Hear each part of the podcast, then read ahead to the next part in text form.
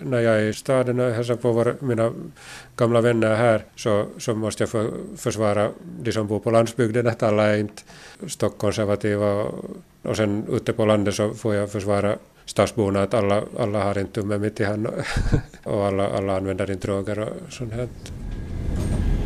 En eftermiddag i början av juni stiger jag på lokaltåget i Helsingfors.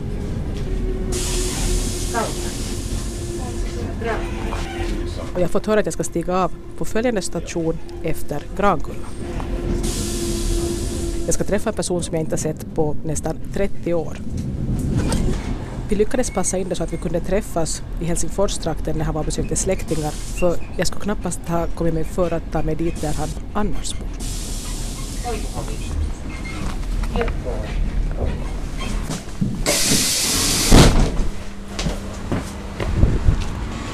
Det var lite lite försenat sa de för det var, det var någonting... Ja, det kom dessutom på fel koordinater. Och efter en stund slår vi oss ner för att prata. No, jag är Henrik Hausen och jag jobbar nu som byaombudsman i, i södra Savolax, det vill säga på en helt, i en helt finskt landskap. Och jag jobbar nu tillsammans med byaföreningar. Det finns ungefär 220 byaföreningar och ganska många av dem känner jag bra än och hjälper på olika sätt. Men det var inte på landet som Henrik Hausen växte upp. Jag har växt upp i Grankulla, gått hela skolan i Grankulla. Så hur hamnade han då på ett ställe som heter Pertumma, som jag själv var tvungen att googla för att ens få en aning om var det fanns? Vi bara sen beslöt med min fru att, att vi skaffar oss sådana yrken så att vi kan flytta ut på landet och, och jag utbildade mig själv till lantbruksavbytare och jobba, jobba som lantbruksavbytare i över tio år. Och sen kom jag så småningom sen in på de här byaprojekten. På något sätt har föreningsliv liksom gått hand i hand med mig hela livet för att jag började som ung med scouting och sen var jag inom miljörörelsen i olika föreningar och, sen har jag nu så småningom sen kommit in på det här. Men nu ska vi först gå några decennier bakåt i tiden. För orsaken till att jag alls har kontaktat Henrik Hausen var den att i Helsingin Sanomats månadsbilaga från april i år så fanns det en artikel om direktaktionen i Kojärvi för 30 år sedan, alltså 1979. Och jag kände igen Henrik Hausens namn eftersom han delvis rörde sig i samma mittenkretsar som jag själv i Helsingfors i slutet av 70-talet. Ja, jag var både inom, inom miljörörelsen och, och sen faktiskt också lite inom Mittenförbundet då i slutet av 70-talet. Då studerade jag teknik i Åtnäs, så det där, sen dess har jag kastat om några gånger nog. Jag ber Henrik berätta om Kojärvi. Jag var inom en arbetsgrupp för mjukteknologi där i Otnäs på Tekniska högskolan. Och det var då under påsken för jämt 30 år sedan så hade några jordbrukare grävt upp ett, en stor, ett stort dike från en av Finlands finaste fågelsjöar, Kojärvi.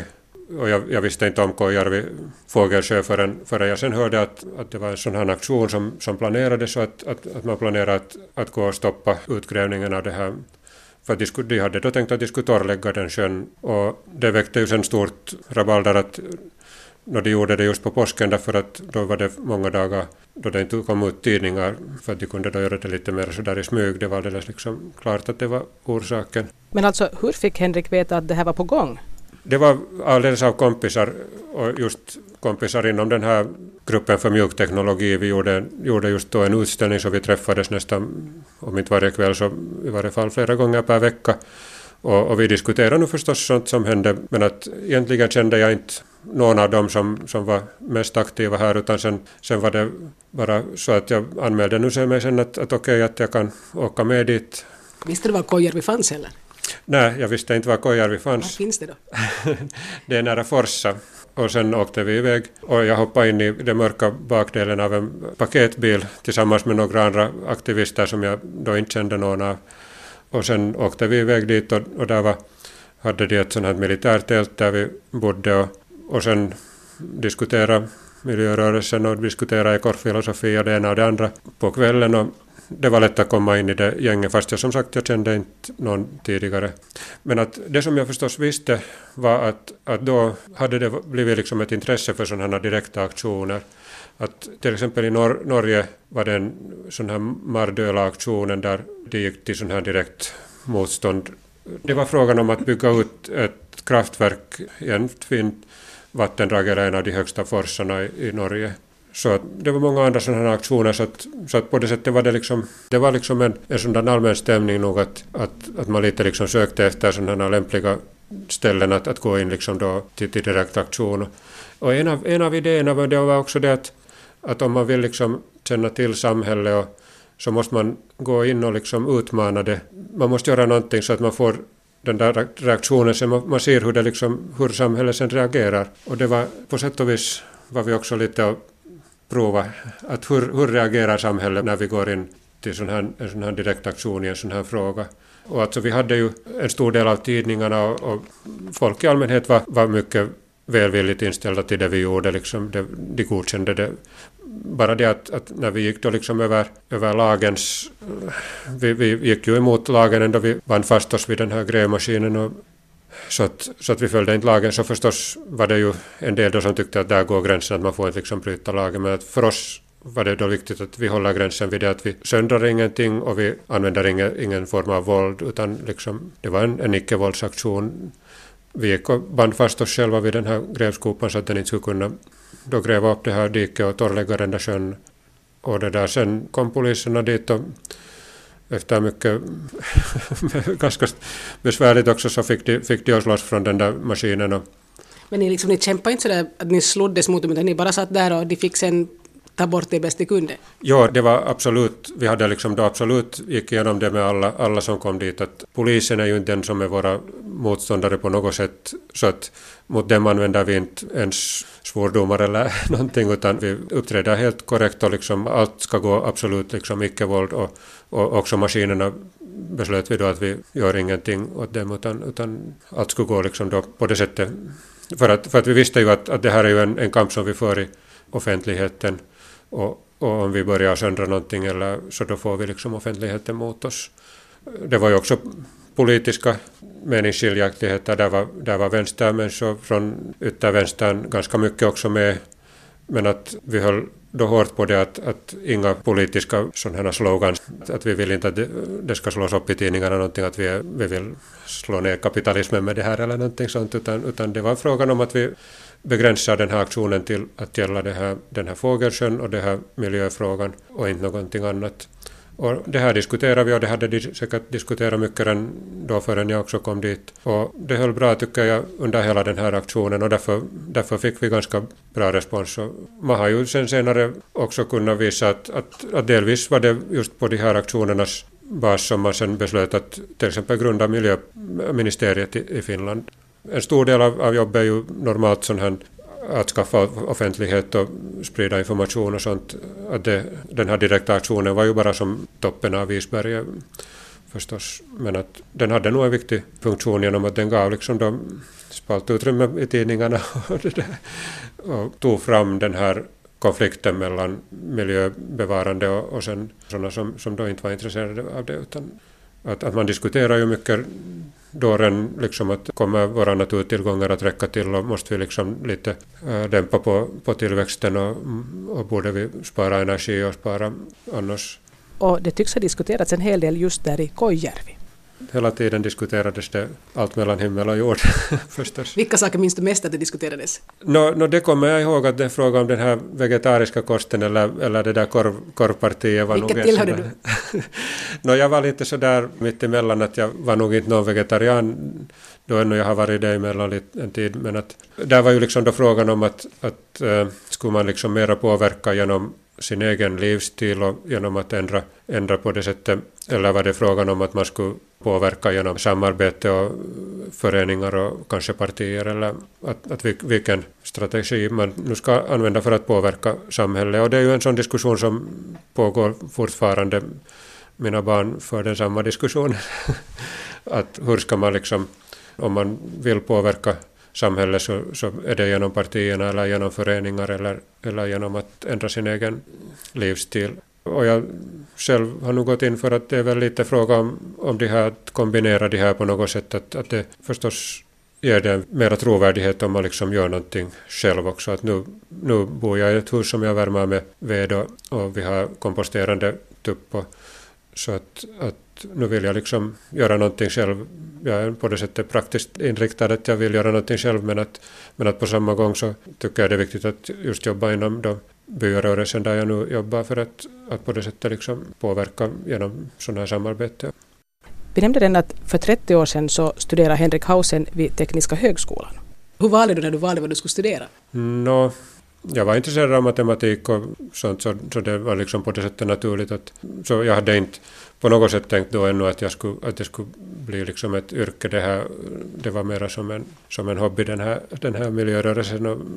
Men varifrån kom det här miljöintresset då? Via scouterna blev jag intresserad av, av natur och sen, sen läste jag nu Pentti Linkola och, och norska ekofilosofer och det ena och det andra under gymnasietiden. Det är mycket då, då man liksom på sätt och vis utformas. Och då läste jag nog och blev intresserad av, av miljöfrågor. Att Pentti Linkola var en, en som gav inspiration fast jag senare inte alls av samma åsikt med honom. Han har nog gått, gått mot en sån här ganska dyster domedags... Ekofascism? Eh, ja, mer nästan som ekofascism. Att, att det där. Då på, i Kojärvi och, och senare också inom miljörörelsen jag jobbade länge mot kärnkraft inom EAK det här energipolitiska föreningen Alternativ till kärnkraft. Och på samma sätt som nu inom byorörelsen så tyckte jag just att, att, att det var ju en massa olika människor. Att där, var, där var ingenjörer som var intresserade av energiteknologi och där var äldre och yngre. Och, och på samma sätt är det med, nu med, med den här byorörelsen att, att det kombinerar liksom hemskt olika människor. Att inom byorörelsen också är det många som har flyttat ut från städer på det sättet som jag också som är ganska aktiva. Och sen de som alltid bott på landet och där är lantbrukare och där är andra. Och, och på något sätt tycker jag att det är det intressanta just att, att när man liksom då kan få människor från olika bakgrund och, och liksom samarbeta och gå mot en gemensam framtid sen, sen att det, jag tror inte alls på Linkolas idé om att man liksom då ska ha en sån där liten liten grupp som med våld eller med några andra medel liksom då tar makten och styr in samhället mot något, någonting bättre. Utan jag tycker att det absolut ska gå och att det kan gå på det sättet att, att man får då liksom breda lagar av människor med och, och driva på något sätt samma sak och diskutera och ta ställning. Att jag, jag tycker det är liksom viktigt att, att diskutera och sådär. Vi har också liksom med våra barn tyckt att det är liksom det viktigaste att de får ha sina egna åsikter, att de liksom ska få föra fram dem och att vi tar dem på allvar och inte, inte att vi inte försöker pracka på dem våra, våra saker utan, utan det, de, de ska själva få, få bilda sina åsikter. Jag frågar vad Henrik Hausens barn har för åsikter i just det här med miljöfrågor. Har de gått i en helt egen riktning som inte alls stämmer överens med föräldrarnas eller No, de har nog egentligen ganska samma åsikter som vi om, nästan mer radikala i, i miljöfrågor än vi, så att det kanske visar att det är effektivare det där sättet att, att, att driva sin sak, att, att försöka bara föra fram fakta och inte, inte liksom på det sättet tvinga in den andra på, på några vissa tankebanor. Utan hemskt mycket så, så förs det precis samma diskussioner som, som faktiskt för 20 eller 30 år sedan. Och det är viktigt att unga människor nu, ja, mina egna barn är nu ungefär 20, så de söker ju liksom olika saker och det finns olika underkulturer och en del av ungdomarna är mycket miljöinriktade och, och jag tycker det är fint och bra att, att de liksom igen prova på någonting nytt och liksom att, att, den vägen går det ju framåt, att, att man provar på nya saker så som, så som vi då for till Kojärvi och, och det där utmana, utmana samhället och liksom gjorde någonting, någonting som var liksom nytt och no, vi provade den vägen och, och delvis fungerade och delvis så har det inte gått så mycket framåt sen dess som, så, så mycket som, man, som vi önskade då men att men i varje fall så, så provar vi att, att, att det tycker jag det är viktigt i varje fall att man liksom provar olika, olika vägar. Henrik nämnde det här att i Kojärvi så var det absolut antivåld som gällde. Det är väl en skillnad nog till då när vi ordnade demonstrationer så då var det liksom icke-våld var liksom, det godkände nog alla. Idag så är det väl på det sättet att det alltid kommer sen med de här svarta gängen som, som går in och, och från början liksom då riktar sig in på att, att göra det sån här vålds, våld, våldsinriktad anarkism ja. och som vill, vill på det sättet ännu hårdare då liksom utmana det är väl en fråga om att utmana samhället, nog för dem också, det, det är det väl, men att... Är dina egna barn inställda på att kunna använda våld ifall det skulle behövas i något sådant, ifall det är någonting de kämpar för? No, no, jag tror inte att mina barn är det, nej. Och, och jag tror att en stor del av, de, av ungdomarna är säkert inte, inte och, och det där, och förstås, jag kommer ihåg till exempel, jag jobbade inom antikärnkraftsrörelsen lite senare än det här Kojärvi-aktionen så beslöt vi en gång att äh, göra en, en demonstration mot Imatran Voimas huvudkontor i Helsingfors. Och vi gick och la oss på deras trappa. Vi var då en, några tiotal människor, kanske en 30-40 människor, som gick och la oss på deras trappa. På, det var ännu på morgonen så att de skulle komma då till jobbet. Och de kom inte in genom den här huvuddörren. Och, och sen delade vi då ut flygblad och, och förklarade att vi var då mot, mot det här nya kärnkraftverket som planerades då. Och då så en del av de här Imatra Voimas personal så de, de, började, de gick liksom över oss, de trampade på oss alldeles sådär liksom hårt. Att de, fast vi var då liksom helt, om man liksom ligger på gatan så då hotar man ju inte någon med våld. Det är ju liksom det mest icke-våld man kan tänka sig ungefär när man liksom ligger rakt långt på gatan. Men, det där, men det, i varje fall så gav det upphov till en sån här hård reaktion hos de här, de här ingenjörerna eller vad det nu kan ha varit sen. Och att, det var lite, lite skrämmande till och med just det här att, att hur, hur ändå nära användande av våld, att de, de var helt färdiga att liksom trampa på oss och gå in fast där öppnades ju sen någon annan dörr så att eh, de flesta i personalen så gjorde då en omväg och gick in genom en annan dörr och de behövde inte sen desto mera. Men att en del, en del blev så aggressiva att de faktiskt sen trampade liksom där över oss. Blev någon skadad också?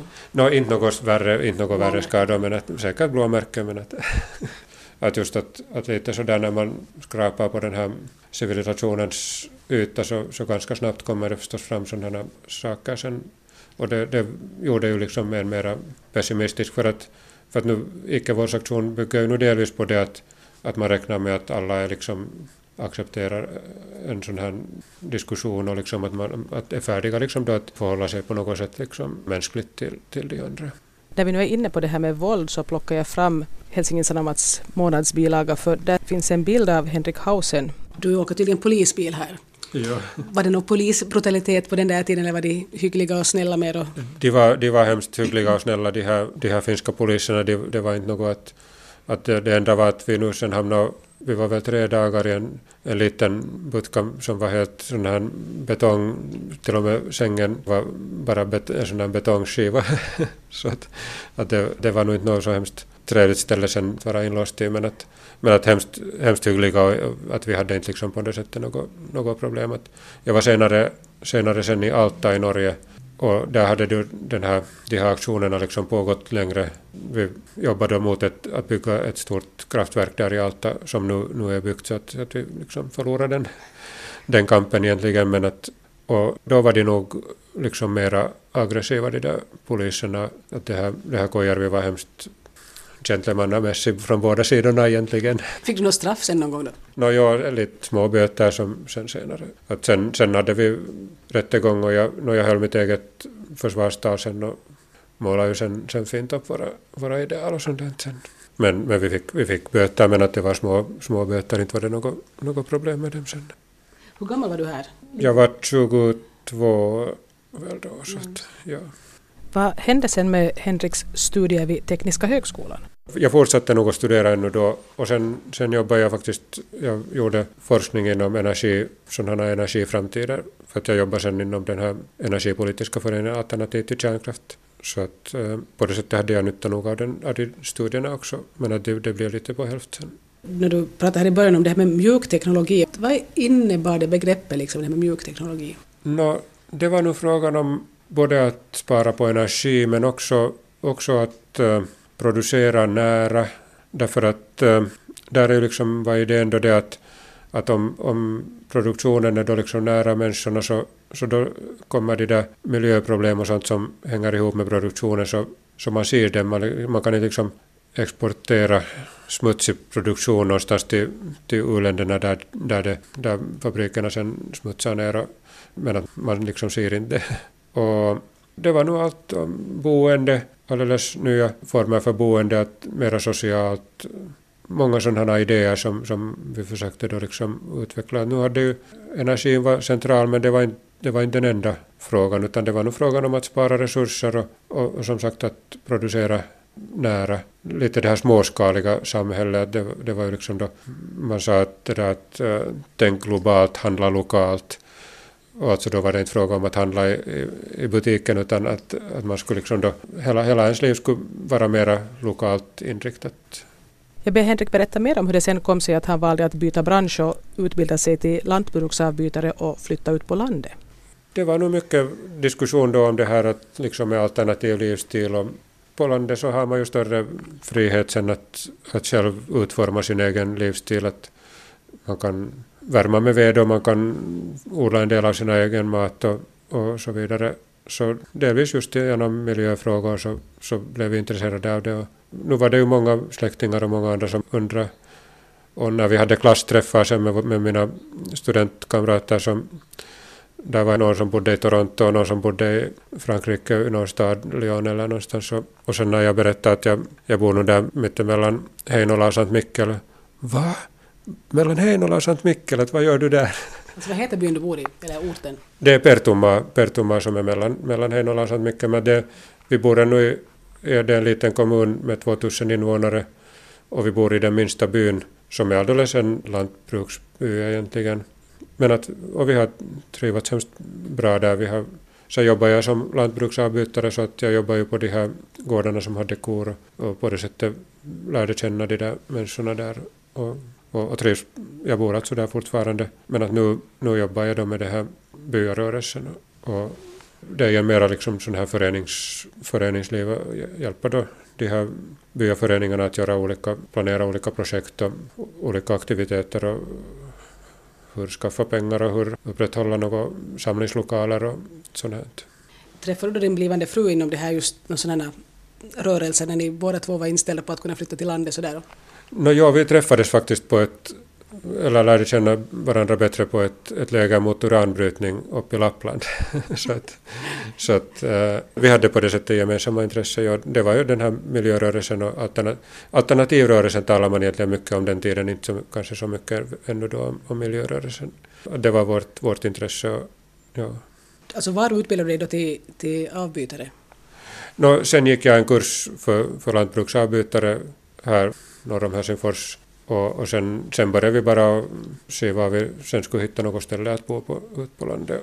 Och först bodde vi på hyra i Heinola och sen köpte vi ett eget litet lantbruk där i Pertuma. Hade du haft någonting att göra med kurser före du gick den här kursen? Nej, nej, nej det, var, det var nog nytt att, att jag några somrar hade jag varit jobbat på en bekantsgård men att inte något desto mer. Men var det svårt att lära sig eller var det, kom det enkelt för dig? No, inte var det nog alldeles enkelt. Nu var det mycket nytt eller det var, allt var ju nytt. så att nu var det förstås på det sättet besvärligt. Men, men det, var, det var intressant och, och, och sen var det just att jag tyckte mycket om de här människorna.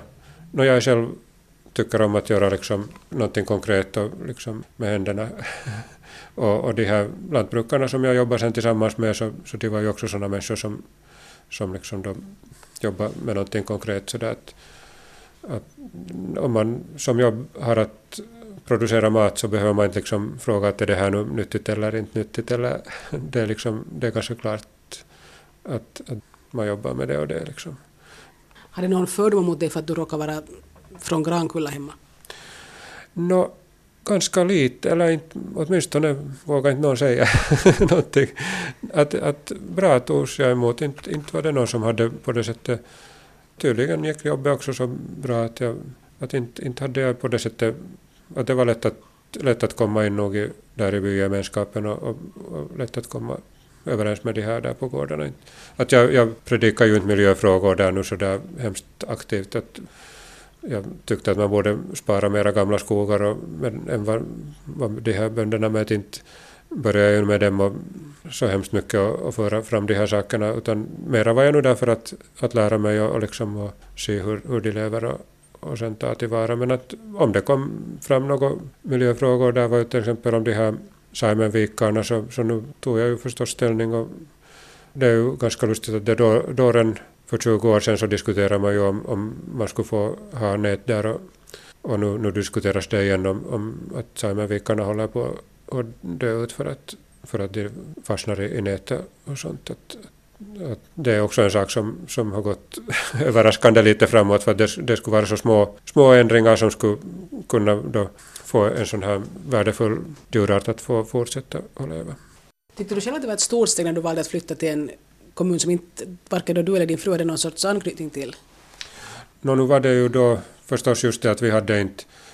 Jag kände en, en veterinär i Pertumma från tiden här i Helsingfors, men att ingen annan.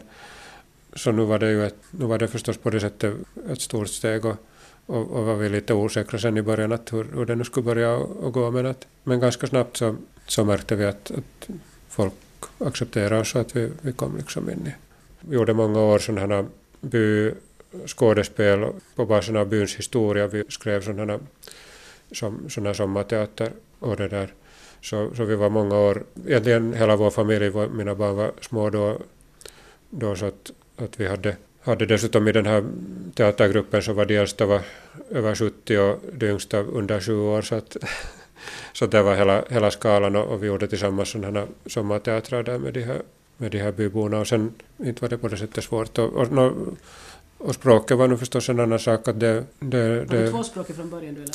No, no, nu är jag från en svensk familj så att nu har jag, och svensk skola har jag gått så nu är liksom svenska mitt modersmål och praktiskt ganska tvåspråkig. Så att inte, inte, det var inte besvärligt för mig att, att liksom då klara mig på finska, det, det kan man inte säga. Men att, att det som är, som om jag skulle kunna göra det på nytt så skulle jag hålla hårdare på att till exempel prata bara svenska med mina barn, att de skulle, att de skulle lära sig bättre svenska. Att, att nu är de nog inte riktigt nu är de mera finskspråkiga. Hur är det då med den här klyftan mellan storstad och landsbygd?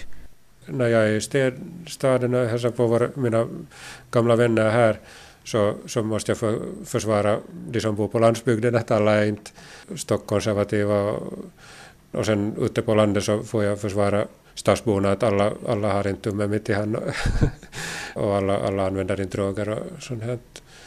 Att, att lite hade varit det, men att jag hade förstås på det sättet lättare att när jag, jag jobbade som lantbruksavbytare så då såg de liksom genom, genom det jag gjorde att, att jag också kunde det och liksom, så att, att det var på det sättet kanske, kanske lättare. Men att, jag tror nog att det också har, har det där minskat den här klyftan på de senaste åren. Nu, ja, under den tid, vi har ju bott då 20 år där i, i Pertumma, så kanske den har minskat den här klyftan därför att, att dit har ju flyttat ändå hela tiden folk som har bott från början i också som, som har studerat emellan i, stan och sen flyttat tillbaka. Eller, så att, eh, att jag, skulle, jag tror inte att den här klyftan är mera så, så stor. Skulle du vilja säga något sammanfattande om det här, hur det, det engagemang du hade när du var ung och det där, hur det har styrt dig liksom, eller? No, ja, det är nog en linje från när jag som ung var scout och, och sen just inom miljörörelsen och sen tillsammans med de här byborna gjorde teater och, och och sen inom det här byarörelsen. Det är väl just frågan om samarbete och, och just med det att alla de här är liksom samarbete mellan hemskt olika sorters människor. Där finns många olika åsikter. Också inom miljörörelsen det var, var många olika åsikter och många olika livsstilar och från olika bakgrund människor och jag tyckte att det var liksom det var berikande och samma sak är det inom byrörelsen att det är roligt att se att folk från olika bakgrund kan, kan samarbeta, diskutera och föra saker framåt. Det tycks aldrig ha varit ditt viktigaste mål i livet att liksom satsa på en karriär där man blir jätterik? No, nej, nu, nu måste man ju medge att, att vi kanske båda två med min fru frivilligt har, har lämnat vår, vår det där levnadsstandard liksom lägre än vad om vi riktigt skulle ha sagt satsa på, på karriär. Ja, det, det är säkert. Och jag tror att det är ganska många som egentligen kanske inte man inte talar så mycket om det, men att det är ganska många som inte driver till 100 procent på sin karriär, utan, utan det är många andra saker som är, är viktigare för dem egentligen.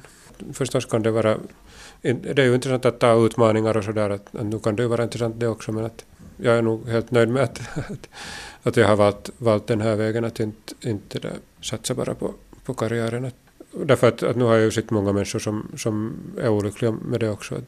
Och kanske man borde mera visa på att det finns liksom alternativ sen att om folk är, är trötta på det här så att det finns, finns också andra, andra alternativ. Skulle du säga att du är nöjd med ditt liv sådär i stort?